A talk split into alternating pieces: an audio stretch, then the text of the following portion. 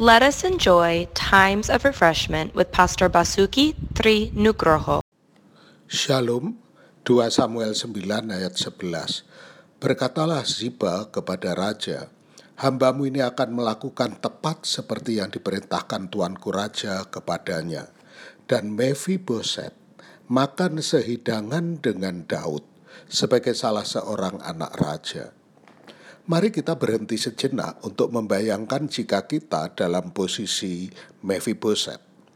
Dia ada di meja perjamuan raja karena ikatan perjanjian Daud dengan Yonatan ayahnya.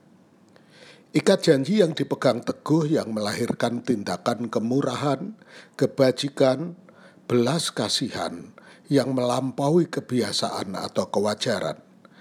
Mephiboset mendapatkan semua bukan karena kebaikannya atau usahanya, tetapi karena kemurahan hati sang raja yang berpegang kepada janji.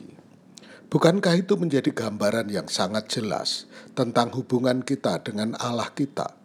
kita menjadi orang-orang yang dicintai dan dikasihi oleh Allah, bukan karena kebaikan atau kesalehan kita, tetapi karena Allah sejak semula berpegang kepada janji untuk menyelamatkan manusia, maka ia mengutus anaknya yang tunggal Yesus Kristus mati di kayu salib menjadi tebusan bagi umat manusia yang berdosa.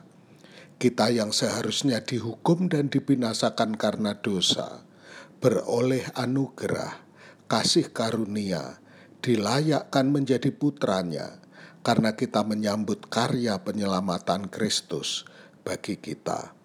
Kita adalah umat yang berharga di mata Allah karena kasih Kristus yang nyata bagi kita. Tuhan memberkati.